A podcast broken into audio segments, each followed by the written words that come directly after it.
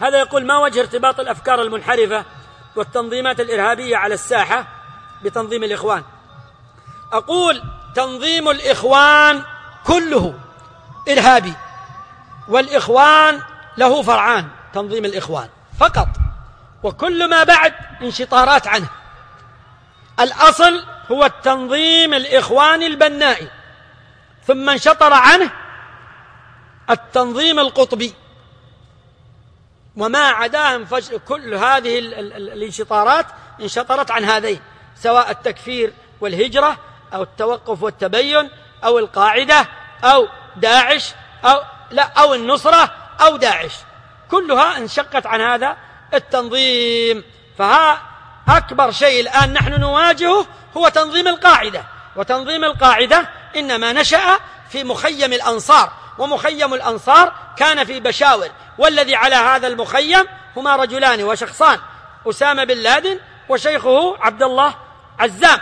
فلما توفي عبد الله عزام جاء أسامة بن لادن. فكان الحرص الأول على شباب العرب وأول ما يكون على شباب أهل هذه البلاد. كما نص عليه صاحب كتاب تنظيم كشف تلبيس علماء إبليس. فإن هذا الكتاب كان يوزع في هذا الموطن في مخيم الأنصار الدرجة ألف الأولى على من كان سعوديا. الدرجة الثانية إذا زاد بقي منه شيء على من كان عربيا في دول عربية. الدرجة الثالثة على أبناء المسلمين. ماذا في هذا الكتاب؟ أما بعد فإننا بحمد الله لا نرى أي دولة على وجه الأرض تحكم بالإسلام ونرى أن جميع الحكام مرتدون كفرة وليس لهم عندنا في دين الله أي نصيب وليس عندنا فرق وليس لهم في دين الله أي نصيب وليس عندنا فرق بين فهد وصدام. إلى أن قال حتى جاء عمود النفاق ورأس الكفر وقائد مسيرة التبريرات لحكام آل سعود عبد العزيز بن عبد الله بن باز. وهذا أنا بنفسي سلمته لسماحة شيخنا الشيخ عبد العزيز في الطائف رحمه الله عام 412 والذي جاء به بعدما عرف حال هؤلاء وجاءني وأخذنا نحن وإياه وأعطينا سلمني الكتاب فقلت له يا فلان ما رأيك؟ تذهب معي إلى الشيخ؟ قال أذهب معك. فأخذته بيده وسافرنا سويا من المدينة إلى الطائف.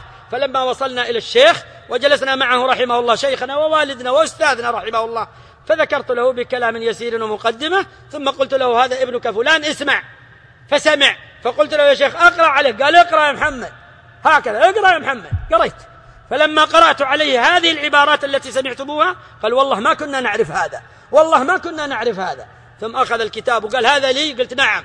ففتح ثوبه رحمة الله عليه وكان جيبه من الداخل كما يعرف هذا منه كل من عرفه ورآه. وخذه وعفطه هكذا أدخله في جيبه وهو يقسم لا حول ولا قوة إلا بالله. والله ما كنا نعرف هذا عنهم.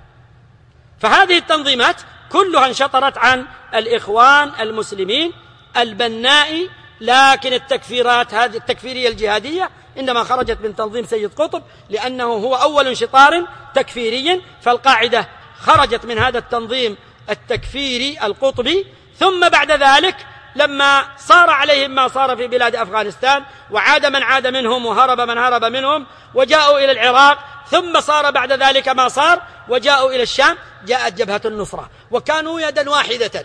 ثم لما جاءوا ومات أسامة بن لادن انقسموا فيما بينهم ما بين مؤيد لإعطاء البيعة للظواهر وما بين معترض على ذلك.